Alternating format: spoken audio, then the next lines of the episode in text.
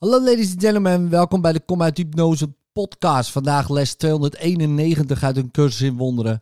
Dit is een dag van stilheid en vrede.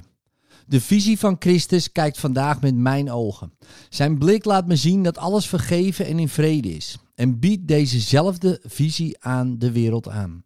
En ik neem deze visie aan in haar naam, zowel voor mezelf als voor de wereld.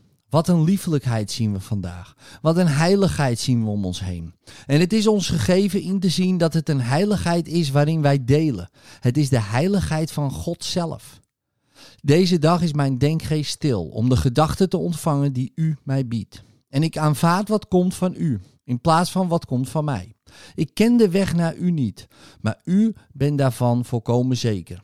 Vader, leid uw zoon langs het stille pad dat naar u voert. Laat mijn vergeving totaal zijn en laat de herinnering van u tot mij weer keren. In liefde, tot morgen.